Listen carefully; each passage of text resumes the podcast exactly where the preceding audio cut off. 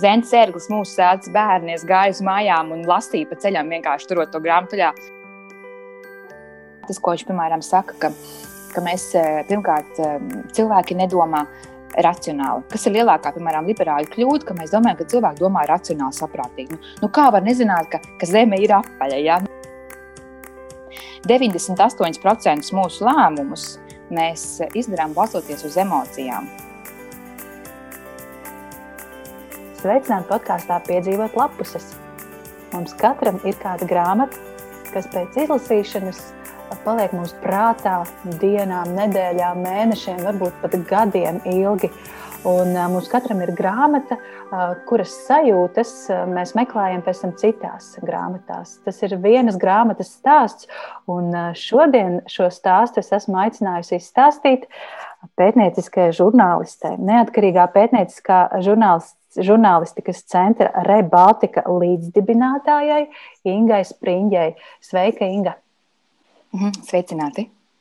Inga, paldies tev par, par to, ka tu piekriti šai sarunai. Es zinu, ka tev ikdiena ir saspringta un aizņemta un darbu un pienākumu pilna, bet jā, liels paldies tev par to, ka atradi laiku.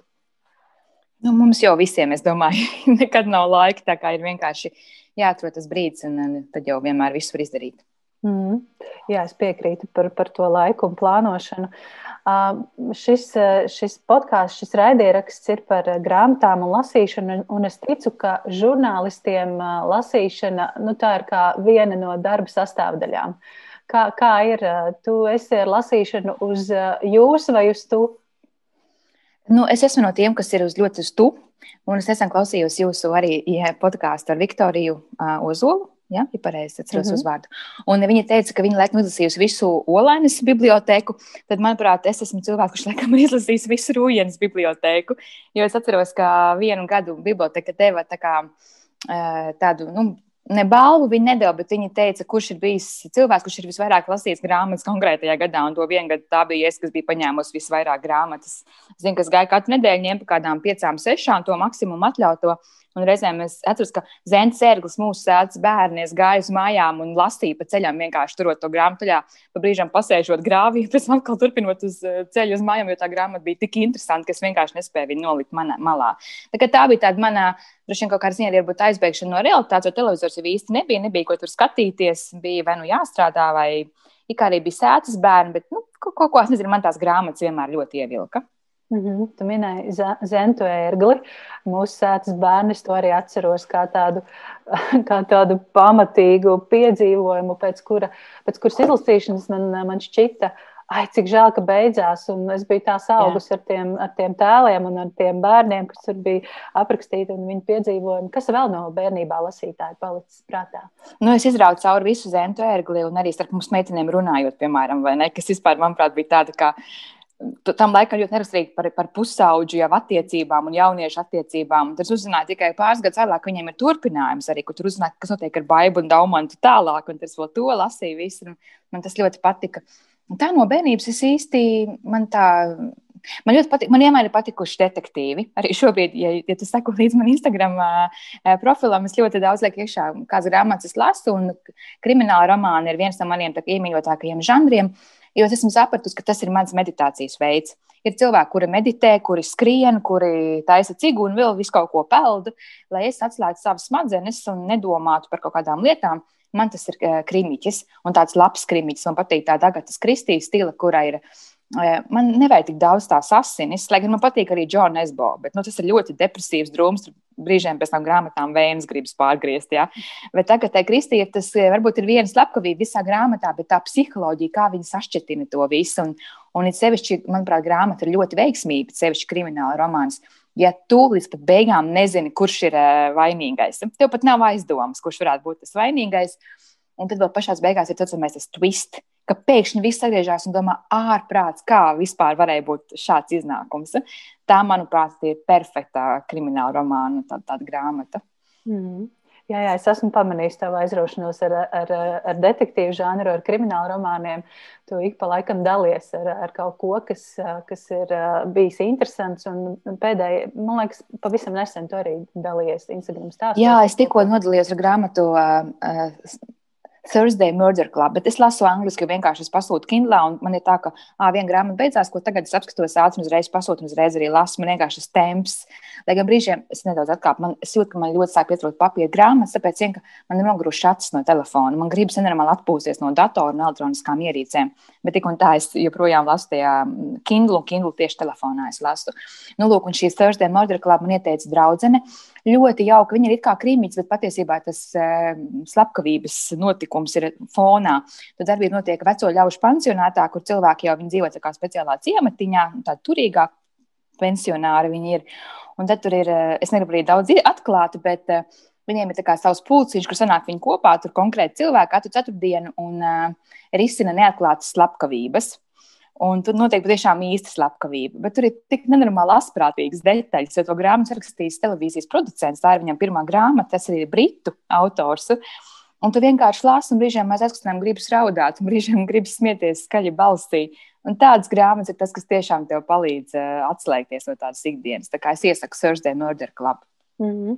Bet tas ir diezgan interesanti, eh, ka tu saki, ka šāda veida grāmatas, nu, es domāju tieši par tādiem eh, detektīvu romāniem un kriminālo žanru, ka tas ir tas, kas tev palīdz atslēgties. Jo, manuprāt, tava ikdiena ir ļoti, ļoti saspringta. Un, un, un tas, ko tu dari, ir eh, nu, tā uz, uz bīstamības robežas šķiet brīžiem. Un tad tu vēl papildu lasi kaut ko, kas, kas nu, uztur to adrenalīnu tevī, man liekas, vēl vairāk Nē, es domāju, ka detektīvā, piedod, žanrā tieši tas ir labs, ka e, ir tā intriga un viņi ievelk. To nav laika aizlīst domām projām un padomāt, man vēl raksts nav pabeigts, man ir šim avotam jāpiezina, man ir tas dokuments jāpārbauda. Nezinu, vai es paspēju izdarīt to un kā lai tiek galā ar šo milzīgo apjomu tur informācijas, piemēram.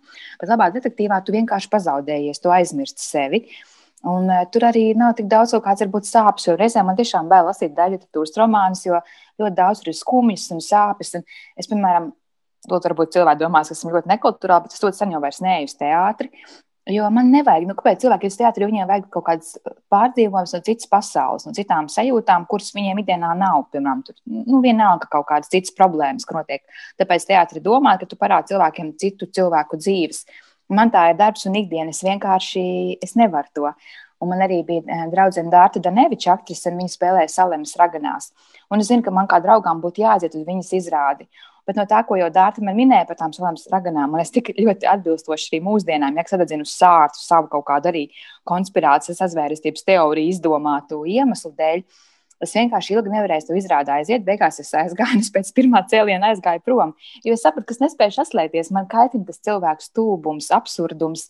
Un tāpēc man negribās ne īpaši ne daļu literatūras, kur ir tiek izsīdāts lielās pasaules sāpes un aktuālās problēmas, vai teātris, vai kino. Es arī nevaru Jo man ir ļoti liela empātijas spēja. Es varu gadiem pēc tam par kaut kādu filmu domāt un nespēt aizmirst un pārdzīvot. Un tāpēc es krimināla, krimināla romāni. Eh, ar nosacījumu, ka, ka ļaunais beigās saņem sodu. Tas gan man ir ļoti svarīgi. Tas vainīgais ir jāatklāj, un viņam ir jāsaņem sods. Jo, ja viņš, piemēram, iztrūks veikā, nu, piemēram, krimināla filmas kaut kādas, ja, kur mēs redzam, tur sliktie politiķi beigās tik un tā uzvar, nē, tādas man nepatīk. Man vajag, lai ļaunais saņem beigās sodu. Ir bijusi arī kāda vilšanās uh, savā mīļākajā, tavā mīļākajā žanrā? Nē, vilšanās varbūt es esmu kaut kad arī. Es neatceros, vairs, es vispār neatceros autors, ko esmu lasījis, bet es, man ieteica arī Facebookā, es laikam cilvēkiem prasu. Man ir vilšanās ka ir tāda prasta valoda. Tas ir, man ir ļoti svarīgi, lai arī labā valodā ir uzrakstīts. Es nevaru tādus, nu, tādus lētos, pilnīgos romānus, kur es jau zinu to formulu, kā viņi ir būvēti un rakstīti. Un tāpēc, piemēram, kad es meklēju grāmatas, kaut kādas, ko lasīt, es ne, nepaļaujos, piemēram, uz New York Times bestsellers. Jo tur tādu sviestu atvaino reizēm. Viņi paši, laikam, izdod tās grāmatas, viņi paši viņu promotē. Un tas, kas arī man šodien ļoti mūsdienās kaitina grāmatās, nu, tas ir non-fiction, ko es pārsvarā priekš darba lasu, piemēram, par dezinformāciju vai kā strādā propaganda. Ka ļoti bieži var redzēt, ka to grāmatu varēja reāli, tā ir viena esēja. Tur nevajadzēja būt grāmatai. Bet tad cilvēki sāk ar kaut kādām savām bērnības atmiņām, salīdzina tur ar zvēru pasauli, ar vēl kaut kādu pasauli. Man ir tā, ka kāds ir krap, ja nu, ķeramies pie lietas, ja ņemam tikai esēju man to gaļu, man nevajag to hamburgeru un visas tās piedevas, kas ir apkārt. Es gribu zināt būtību, lūdzu, taupiet manu laiku un uh, dodiet man, es tāpat samaksāšu tos 15 eiro vai cik maksā tā grāmata, bet man nu, apžēlojieties par mani. Un man nesen tieši bija viena grāmata ko arī man ieteica pat ļoti tāds respektabls cilvēks eh, Facebookā, kuram es ļoti uzticos, arī pedagogs, arī par dezinformāciju un kā cilvēki domā. Un es vienkārši esmu biju tik nikna, tik, tik nenormāli nikna, kā var tādus, atvainojos, sviestu rakstīt pa starp. Ja? Bet te pašā laikā es daudz piefiksēju, ka es citēju ikdienā to grāmatu. Tur bija ļoti labas tās domas, bet es domāju, tur varēja mierīgi divas trešdaļas vienkārši noīsināt tai grāmatai. Es pilnībā piekrītu tieši par šo non-fiction žanru. Tas ir, es izlasu reizēm to grāmatu, un es saprotu, ka es esmu veltījis tērējis savu laiku. Vienkārši, ka tu tiešām varēji mazā brošūriņā pateikt to visu tieši tā, kā tu tikko stāstīji. Um, Klau, bet kā ir ar to vienu grāmatu? Vai ir tev viena grāmata tavā dzīvē, eh, kas, eh, kas ir atstājusi tādu nu, neizdzēšamu, neizdzēšamu iespaidu, neizdzēšamas atmiņas, eh, sajūtas, varbūt grāmata, kas ir burtiski mainījusi kaut ko tevī vai tavā pasaulē? Nu, es domāju, šis jautājums ir vienkārši šādi uzdot jautājumu par vienu grāmatu. Grāmatu lasītājiem ir noziegums. Ja? kā, tu, kā tu vari izcelt vienu grāmatu? Tāpēc nedaudz atļaušos izmantot no tādiem emocionāli, kas man joprojām, es gadiem tagad neesmu tās grāmatas lasījusi, bet man ļoti patika Garcia Markes. Un uh, visas simtvienotības gadi ir pat mazāk, bet mīlestība holēras laikā, un kas ir, nezinu, kas tāds, tāds viņa grāmata, kas bija par viņu bērnības atmiņām, tieši arī tā kā literārs daļdarbs, bet balstīts uz viņu bērnības atmiņām. Man nenormāli patīk tām skumjām, ilgām, un kas ir galvenais, uh, manuprāt, viņš parāda, ka cilvēks arī vecumdienās, tev ir ķermenis nespēcīgs, tu, tev nav vairs spēka vai kaut vai seksuāla potence, tev nav, bet jūtas iekšēji, tev palikušas ir tās pašas. Tāpat grib cilvēcisku mīlestību, emocijas, apskāvienus un tā tālāk. Un viņš arī pierāda, ka tas ir iespējams. Ir apprecēts cilvēks 70 gadu vecumā, 80 gadu vecumā un vispār manām skumjām, maukām. Ja? Nu, izklausās briesmīgs nosaukums, bet nu, tas tā nav. Tas, tās emocijas, tā ir grāmatas, kas man joprojām ir sirdī emocionāli ļoti, ļoti tādas tuvas un siltas, ko es esmu lasījusi. Bet, ja man jārunā par tādu, kas ir atstājis ietekmi, tad tā, diemžēl, ir grāmata no, no darba un ikdienas politikas, no kā varbūt daudz ir noguruši. Bet es vienmēr viņu pēdējos divus gadus visur citēju. Mans vīrs vienkārši jau pārgriež acis, kad es kādās sarunās sāku runāt par mm, kaut kādu dezinformācijas tēmu. Un tā ir Džordžs Lakovs, autors, un grāmata ir um, Don't Think About Elephant jeb eh, tālāk tur ir kā, kā pareizi veidot eh, sarunu un eh, kā, ielikt pareizajā rāmējumā konkrētu vēstījumu. Un tā grāmata patiesībā ir diezgan veca. Viņa ir izdota 2004. gadā pirmo reizi, un tad viņa ir papildināta. Bet es patiesībā ar Lakovu pirmo reizi iepazinos izlasīt citu viņa grāmatu, Political Mind kas ir tas pats, kas Don't Think About Elephant, bet nedaudz īsākā formātā. Bet, ja kāds grib lasīt, es tomēr ieteiktu sākt ar to Don't Think About Elephant. Viņa ir garāka, bet viņa ir ļoti labi, jo beigās pēdējā trešā daļa grāmatai ir reāli praktiski ieteikumi, kā runāt ar citādi domājošajiem. Eh, tas, kas ir Lakofam liels mīnus, uzre... viņš ir eh, pirmkārt amerikāņu autors, viņš pasniedz Berkeley Universitātē, viņš ir lingvists eh, un kognitīvu behavior es nezinu, kā tas būtu kognitīvā psiholoģija, viens no arī kā, pārstāvjiem. Un, uh, viņš tajā savā grāmatā stāsta, uh, tur ir tik daudz tās lietas, bet kāpēc cilvēki, kāpēc, uh, piemēram, konservatīvie nesaprot uh, liberāļus un otrādāk. Un viņš arī ir reāli min piemērus, kā būtu jārunā, lai saprastu, vai arī kā nevajag runāt, ka mēs tikai pasprinām tās otrās puses kaut kādus vēstījumus. Bet tas, kas ir liels mīnus, es uzreiz arī pateikšu, eh, Lakovs ir izteikts demokrāts. Un eh, viņam ļoti jūtās cauri tā nicinošā, negatīvā attieksme pret konservatīviem. Ir kā viņš pats māca, kā vajadzētu runāt, bet viņš ir, nu, viņš ir ļoti par Obamu un tā tālāk. Tā kā cilvēkiem, kuri ir izteikti varbūt ar konservatīvām vērtībām, tas ir atgrūst, bet es ieteiktu no tā, tā kā abstrahēties un lasīt vienkārši tās lietas, ko viņš iesaka. Jo tās, manuprāt, ir ļoti nu, noderīgas un būtiskas. Mm. Kā, nu, tas, tas man likās ļoti svarīgi. Un tad, ja mēs ejam dziļumā, tad jā, tas, ko viņš piemēram saka, ka, ka mēs eh, pirmkārt eh, cilvēki nedomā racionāli. Kas ir lielākā, piemēram, liberāļu kļūda, ka mēs domājam, ka cilvēki domā racionāli, saprātīgi. Nu, nu kā var nezināt, ka, ka Zeme ir apaļa? Ja? Nu, mēs to visi zinām, ja? vai mēs visi zinām kaut kādas konkrētas lietas, ka mēs zinām, ka Covid neizdomāja Bills Gates. Tas ir tik, tik ļoti pašsaprotami. Uh, Bet tas, ko Lakovs saka, ka cilvēki nedomā racionāli, viņi balstās uz emocijām. 98% mūsu lēmumus mēs izdarām balstoties uz emocijām. Un tāpēc arī viņš skaidro, kāpēc, piemēram, nabadzīgie amerikāņi balso par republikāņiem. Lai gan republikāņi, kas ir konservatīvā partija Amerikā.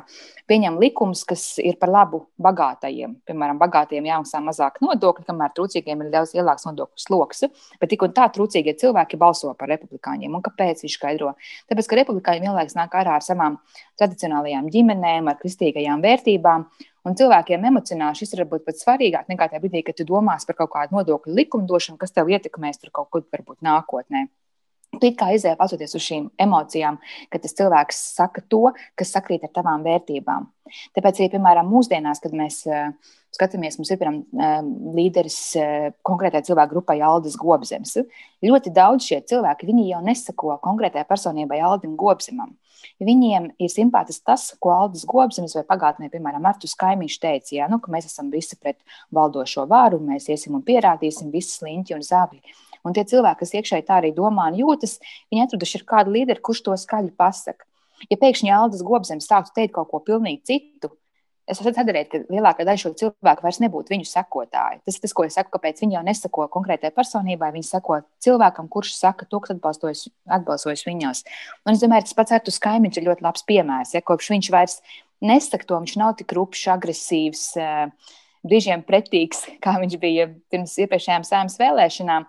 Tagad tie paši viņa e, toreizējie fani ir gatavi nolinčot un e, piesist e, brīvības, pie brīvības pieminiekļa, ja pakārt tur, piemēram, viņu. Nu, ir, ir ļoti asti komentāri brīžiem bijuši. Tā kā, un to arī Lakovs skaidro, kāpēc ir šīs emocijas un kā tas viss sabalsojās. Un tad arī, piemēram, tālāk stāsta, kad, kad ir kaut kādas debatas, nevajag atkārtot tās lietas, ko šie cilvēki saka, šīs atslēgas figūras, jo mums katram jau savā galvā konkrētam jēdzienam ir sava nozīme. Un te ir, piemēram, piemērs no tās grāmatas nosaukuma Don't think about elephant. Nedomā par ziloni.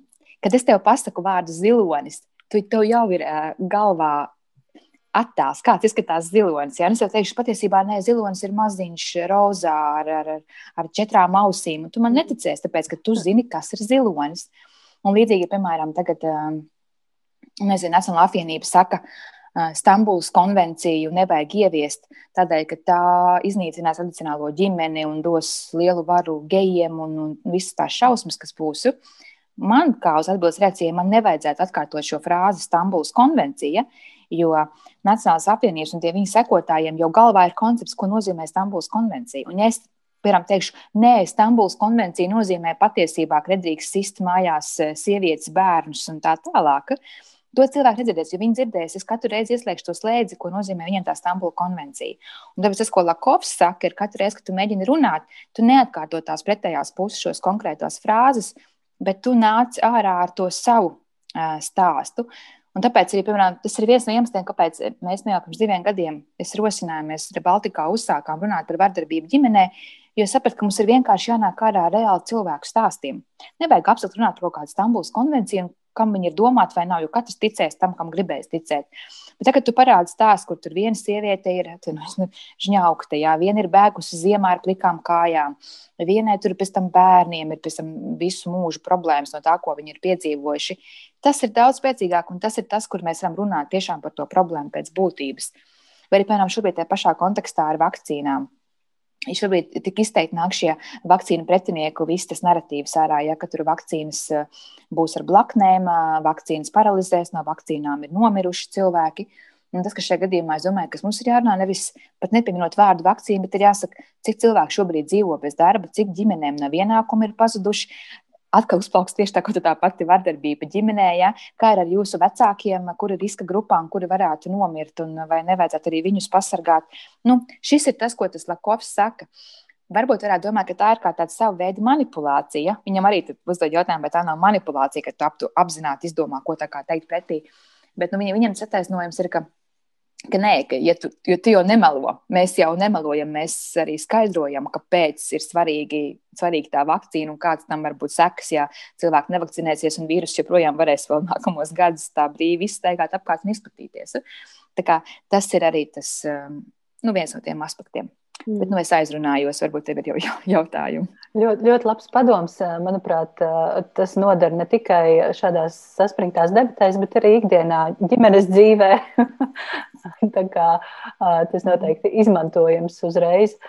Um, tu teici, ka šī grāmata pirmoreiz izdota 2004. gadā, un es klausījos tevis stāstītajā. Es saprotu, ka ir pagājuši cik 16, 17 gadi, un, un šī grāmata ir nu, tik aktuāla kā vēl nekad, vismaz šobrīd, mūsu, mūsu šī brīža situācijā un, un pasaulē, kādā mēs šobrīd dzīvojam. Bet, kā, kā notika tieši tava satikšanās ar šo grāmatu? Kur tu to atradi? Vai to, to kāds ieteica? Kāpēc tu izlēmi, ka šī ir jāizlasa? Es iepazinos ar vienu um, arhitektu no Šveices vienās mācībās. Un, tad mēs turpinājām komunicēt, un uh, viņš man ieteica vairākas grāmatas. Un, jāatzīst, tās tiešām ir bijušas ļoti vērtīgas. Uh, Un viņš runāja ļoti abstrakti un teorētiski, es nesapratu, ko viņš man stāsta, bet tad es pieķēros pie tās grāmatas, un es esmu tiešām pēc tam Tā bija political mind. Un pēc tam es paņēmu arī jau pat to lakofadonu sinkabautu elefantu. Un, um, ja es saprotu, ka cilvēkiem no laika viss ir steidzīgi, tad, ja jūs paņemat to Donu Sinkabautu elefantu, es ieteiktu izlasīt viņu no trijām daļām sastāv. Pirmā daļa ir, kur viņš skaro tādu teorētisko konceptu, kā strādāt kā konservatīvo un liberāļu eh, cilvēku nu, modelis. Jo konservatīviem ir tomēr tā stingrā tēva figūra pamatā, jā, kas nenozīmē, ka tēvs pazemo ģimeni, bet viņš ir stingrs un tomēr prasīgs un ir māte, bet pret māti jāizturas ar cieņu. Bet nu, tur ir viss tas, ka tik laikam drīkst piemēram, bērnus iepēt, ja tas ir aiz mīlestības, un tā, nu, tās nianses tajā visā parādās.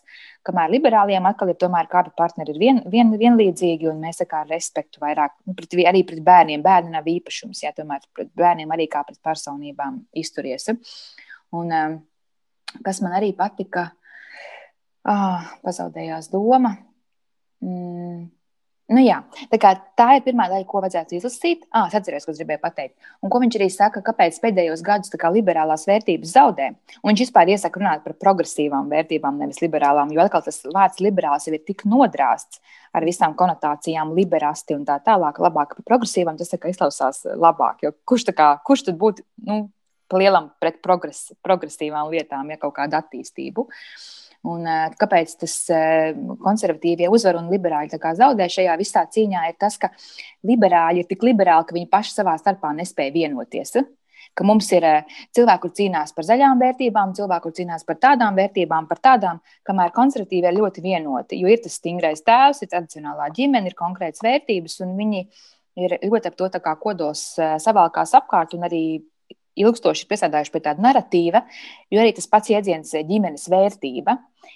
Tas, tas ir, man bija vesels pētījums pirms kādiem pieciem gadiem, kad mums saimā gribēja ieviest eh, un ievies arī likumības grozījumus likumdošanā. Jo man pēkšņi likās, no kurienes parādās šis narratīvs, kāpēc pēkšņi visi sāk runāt par likumības grozījumiem, kas ir noticis. Un toreiz es sāku pētīt, ka līdz šim mums bija asociācija ģimene, kas ir latviešu organizācija, kur vienmēr uzstājas uz šīm vērtībām. Viņiem bija dzirdīgs savs Nacionālajā apvienībā, bet nekad nebija pietiekams tas balsu skaits, lai izvirzītu caur tos viņu grozījumus saistībā ar abortiem, un kas tur vēl tik toreiz nebija. Ko imants parādnieks deputāts virzīja. Un tad viņam uzrādījās sabiedrotie Julijas Stepaņenko no Saskaņas. Un, uh, man interesē, kas ir noticis. Un tad izrādījās, ka mums bija dzimušas īsā laika posmā trīs uh, vecāku organizācijas, vairāk gan tieši krieviski runājoši. Viņi arī nāca ar visu, ar visu šo pašu narratīvu, ka sapuvušie rietumi, pedofili grib adoptēt mūsu bērnus, redz, uz kurien mēs ejam. Un, uh, un viņi sabloķējās kopā Nacionālā apvienība ar, ar saskaņu šajā jautājumā, jo viņi sabloķējās pret ģimenes vērtībām. Un, uh, tas, ko es redzēju, ka šis narratīvs nāk no Krievijas. Nu, tieši nu, Krievi, viņš bija tieši krieviski interneta informatīvajā telpā. YouTube bija viss video. Viss, kā, nu, man nav tieši pierādījumi, ka Kremlī kāds sēdēja un izdomāja šo propagandas jēdzienu ģimenes vērtība. Bet nu, man tie visi fakti liek domāt, ka tas nāca no Krievijas. Tas bija tāds maigās vārds un dezinformācijas viens no tiem ieročiem. Un, manuprāt, Žetons tam, kurš to izdomāja, jo ikvienam, ja tu paprastīsi, kurš būs pret ģimenes vērtībām, mēs taču visi esam par ģimeni, par, par attiecībām, par siltumu, par mīlestību. Un, eh, un tāpēc, kad, kad viņa šo frāzi ģimenes vērtībām iegāja saimā un arī izgrozītos likuma grozījumus, manuprāt, tas, tas kur cilvēks, kurš izdomāja šo jēdzienu, tās ģimenes vērtības kā, kā propagandas, tādu vienu no novirzieniem, tas ir ļoti veiksmīgi nostrādājis. Un to mēs kaut kādā ziņā arī redzam arī šobrīd. Šobrīd ir likuma grozījumi, kas tiek atkal piedāvāti, ka būtu satversme jāgroza un atkal būtu jānoprecizē, kas ir.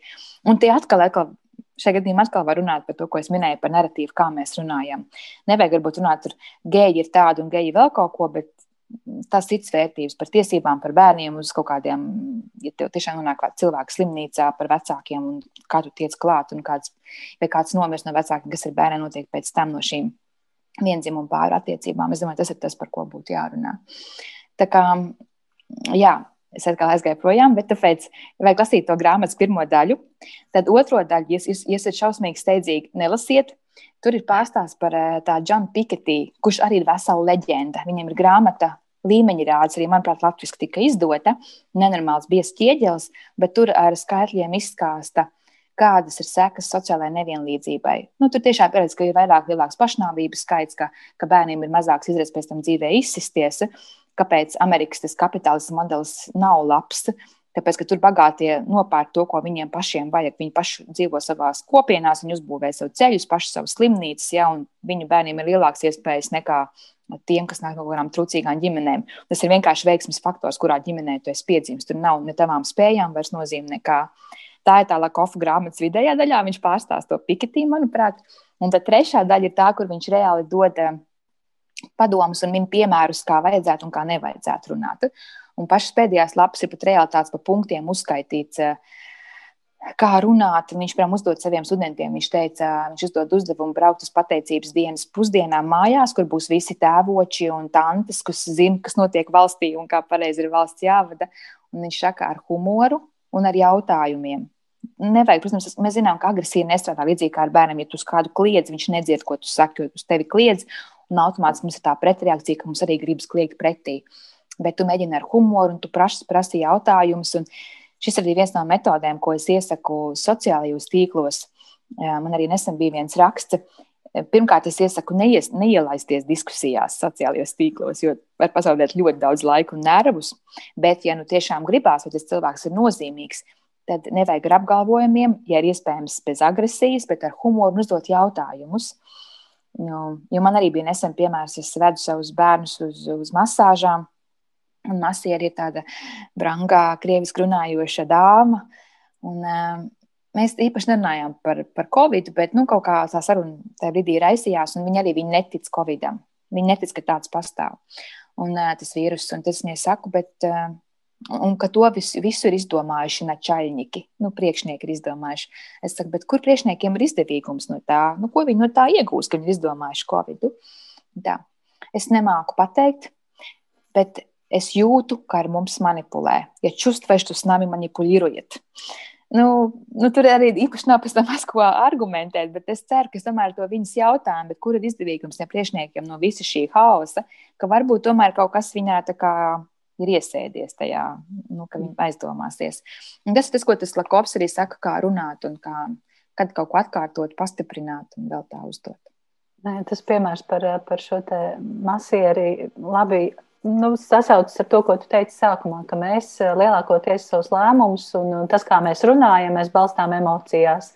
Es jūtu, ka ar mums manipulē un tas mm -hmm. un, un viss. Un, Un grūti jau īstenībā pārliecināt uh, tos cilvēkus, kas jūt, kā, kā Jā, viņam... jo, jo, tur, jo tur nav racionāla argumenta. Mm. -hmm. Un tas arī tas, kāpēc Ielakovs saka, ka, piemēram, uh, mēs arī ļoti bieži runājam, mēs arī paši patiesībā darām fact-checking, arī Baltikā mums ir tā kā spāns faktu pārbaude. Uh, ka patiesībā jau tā faktu pārbauda īsti uz šiem cilvēkiem nestrādā, jo viņi nedzird faktus. Viņiem nav svarīgi tie fakti, viņiem ir svarīgi stāsti.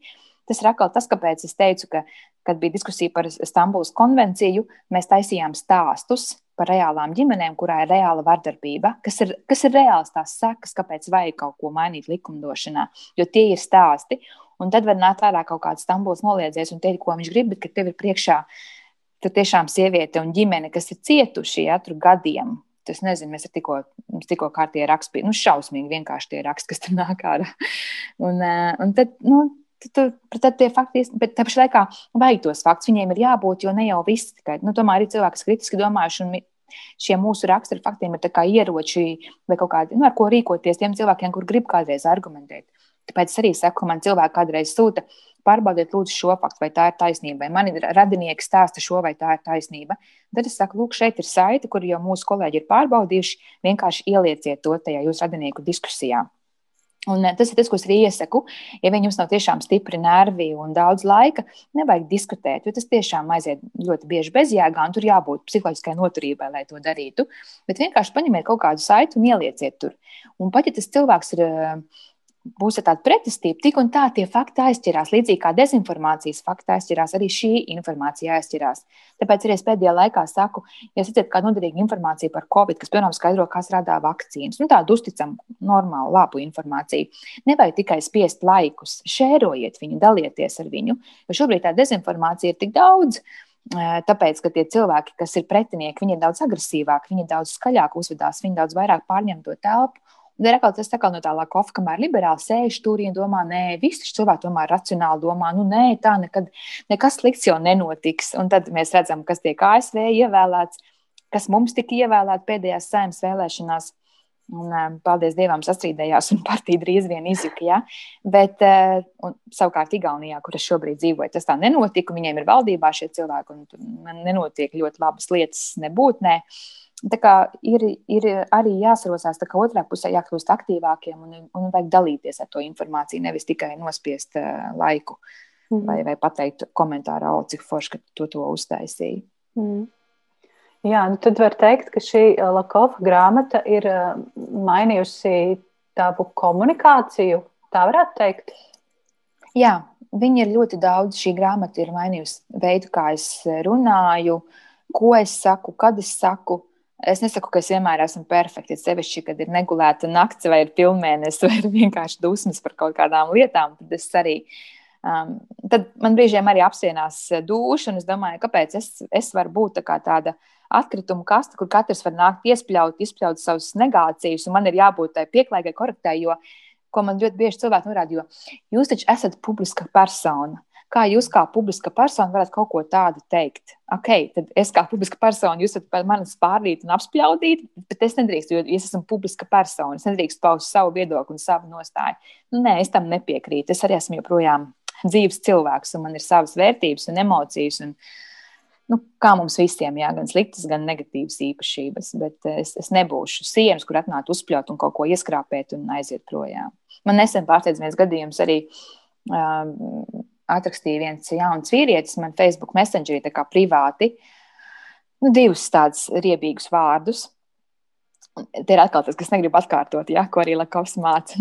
Nevajag iedot pastiprinājumu tām lietām. Bet uh, es to no, uzsēsīju screenshot un nopublicēju savā Facebook sienā. Un plus es to cilvēku kā, ietagoju un arī viņa darba vietu, jo viņš strādāja Liepājas autobusu parkā. Es domāju, tas ir tāds drosminieks, lai man tā privātas ir, tad jau arī taču, vārda brīvība. Ja tu vari arī mierīgi to teikt publiski, lai taču visi zina, lai arī tavi kolēģi zina, kā tu domā. Kā tu... Es, protams, gribētu zināt, ja mans kolēģis kādam raksta rupjības slepeni internetā vai arī neslepeni. Bet man pārsteidz tā cilvēka rīcība. Viņš laikam izdzēsās no Facebook, bet pirms tam viņš atsūtīja man vēl vienu ziņu. Kāpēc jūs tā darījāt? Sačakarējāt dienu man un manai ģimenei. es domāju, vai tas, ka tu man sačakarēji dienu, tas neskaitās. Ja, jo uz mani drīkst uzspļaut, bet kad es tev daru līdzīgi, un pat es pat neko pat nepasaku, tu esi nezinu kāds. Ja? Bet tā domāšana citādāk. Bet es negribu šo vairāk, kā tā var un šī tāda cilvēka. Tas man ir ļoti interesanti, kāpēc es reizēm iesaistos sarunās ar šiem cilvēkiem. Man arī saka, kāpēc tu tērē savu laiku. Man ļoti interesanti ir, kā šie cilvēki domā. Jo mēs tomēr ap, dzīvojam kaut kādā savā telpā, kur ir līdzīgi cilvēki, kā mēs esam. Un tad pēkšņi, kas ir ārprāts, ka es pat nezinu, ka vispār var kaut ko tādu iedomāties un izdomāt. Un tas mums palīdz pēc tam mūsu darbā. Mēs saprotam, kādus faktus pasniegt un kā viņus pasniegt un kā runāt ar tiem konkrētiem cilvēkiem, jo mēs vairāk vai mazāk zinām to viņu domāšanas veidu. Mm. Jā, tas stāsts atgādināja man kādu teicienu, ko es bieži mīlu izmantot. Uh, ka nedrīkst jaukt demokrātiju un vārdu brīvību ar bezkaunību. un, un tas, nu, tas ir tik bieži, bieži manāms, jā, ka cilvēki vienkārši ir bezkaunīgi un, un patiesībā rupji.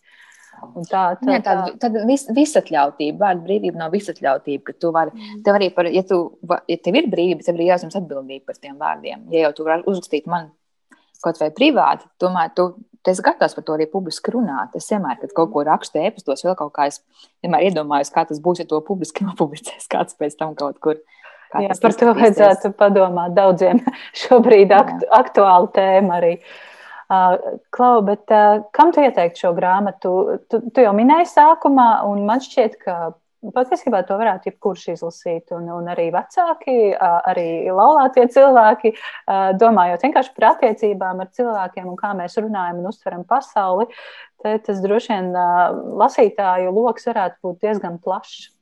Nu, es nezinu patiesībā, vai tā, jo viņi, viņi ir kā tādas psiholoģiskas aspektus stāstīja, bet viņi domā diezgan tādu nu, par politiku. Mm. Viņš ļoti daudz min Obamas kampaņu, viņš min Džordža Buša laiku, un uh, viņš min, piemēram, tās arī kā konservatīvie pārdevēji kaut kādas uh, tās um, politikas nostādnes. Uh, piemēram, kad bija jāpieņem pakts par uh, gaisa piesārņojumu, viņi nosauc to par, uh, kā tur bija, Sky, clean sky pact, ja, tā kā tīrās debesis. Patiesībā tur ir liela nozīme oglēm, kas tikai piesārņo, bet nu, tas, tur ļoti daudz šādi, šādi faktori.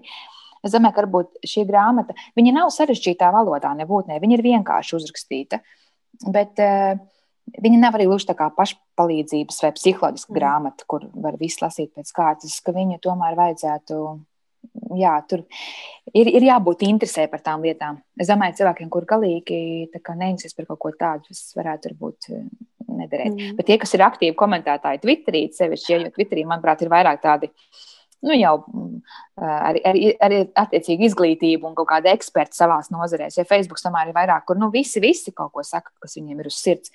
Bet Twitter tomēr ir tāda daudz šaurāka, specifiskāka kopa. Es domāju, ka vismaz Twitter eh, lietotājiem gan tā grāmata varētu būt eh, noderīga. Mm. Brīnišķīgs ieteikums. Jā, paldies, Inga, par tavu stāstu. Kas ir tas, ko tu šobrīd lasi? Vai tu esi atradusi kaut ko, kur, kur tavam prātam aizķerties pēc tu pat izlasītas grāmatas? Jo es zinu, ka tas ir diezgan grūti. Ja grāmata ir bijusi diezgan laba, tu stāstīji iepriekš par šo te uh, te, tevis minēto grāmatu, bet kas, ko tu tagad lasi, vai ir izdevies atrast? Es uzreiz skatos savā kindlā. Es tikko no tā paša Instagram konta pacēlu vēja.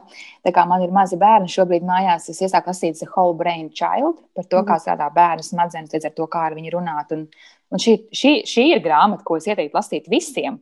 Tā skaitā arī, kad es lasu šo grāmatu, es arī vizuāli redzu, uh, arī tos pašus internetu komentētājus, jo, manuprāt, viņiem ļoti daudz uh, viņu rīcībā nepieslēdzās eh, smadzeņu augšējais stāvs, bet darbojas tikai smadzeņu apakšējais stāvs. Tie, kas lasīs to grāmatu, sapratīs, par ko es runāju. Tur grāmatas autora dāvāts smadzenes divās daļās. Ir pirmais un otrais stāvs, un pamatā mēs visi piedzimstam ar pirmo stāvu, bet otro mēs attīstam. Un tas saslēdz kopā emocijas ar, ar racionālo domāšanu, ka mēs atpazīstam, kāpēc mēs kaut ko darām, kāpēc reaģējam nikni vai vēl kaut kā. Ka mums ļoti bieži, manuprāt, iztrūkst uh, Bet sevišķi ņemot vērā, kā sociālā tīkla strādā, ka viņi patiesībā apzināti algoritmi strādā uz mūsu zemāko pirmo stāvu. Tāpēc, jo vairāk vajag piedomāt un pieslēgt to empātiju un um, tādu izpratni, kāpēc mēs rīkojamies konkrētās lietās tieši tā un citādāk. Un tad man ir nopirkta vēl paralēli, man stāv grāmata, ko es izlasīju Iveta Kažoka. Politoloģija Twitterī ieteikusi kā labu tādu daļliteratūras eh, grāmatu. Un es pagūlēju, man patīk tas apraksts, un saucās The Midnight Library. Autors ir Matt Haig. Haig. Jā, um, bet, -hmm. jā, bet es neko nezinu vēl. Tas apraksts bija ļoti labs tajā grāmatai. Tā kā es paralēli vakaros, kad es uz bumbas midzinu savu meitu divas stundas, jā, jo viņa negrib iet gulēt ne par ko. Tad es telefonā ar vienu roku lasu, bet šobrīd es lasu tās par, par bērnu attīstību un par smadzenēm. Jā, tad jā. Kaut, kaut kādā brīdī pieslēgšos pie tās Midnight Library arī. Jā, starp citu, par grāmatu The Whole Brain Child stāstīja Māras Leja manā raidierakstā. Var pameklēt, kas à, ir kā, kā, kāds, kāda ir viņas iespēja par šo grāmatu. Un, un viņa arī daudz stāstīja par to, kā tā, tā grāmata ir mainījusi viņas audzināšanu, bērnu audzināšanu un viņas attieksmi vispār pret, pret bērniem. Jā, ļoti labi noteikti. Jā. Mm -hmm. Inga, paldies arī tev par, par tavu stāstu. Un paldies klausītājiem par klausīšanos. Un tiksimies nākamajos grāmatu stāstos. Atā! Paldies! Tas šodien arī viss. Paldies, ka noklausījies! Ja tev patika un likās noderīga šī saruna, noteikti uzraksti savas pārdomas Facebook vai Instagram, vai varbūt uzraksti man e-pastu uz piedzīvot atgmail.com. Vēlēs atbalstīt podkāstu tapšanu? Dodies uz www.patreon.com šķērsvītra piedzīvot un kļūsti par podkāsta mīļāko atbalstītāju, jeb patronu. Paldies un uz tikšanos nākamreiz!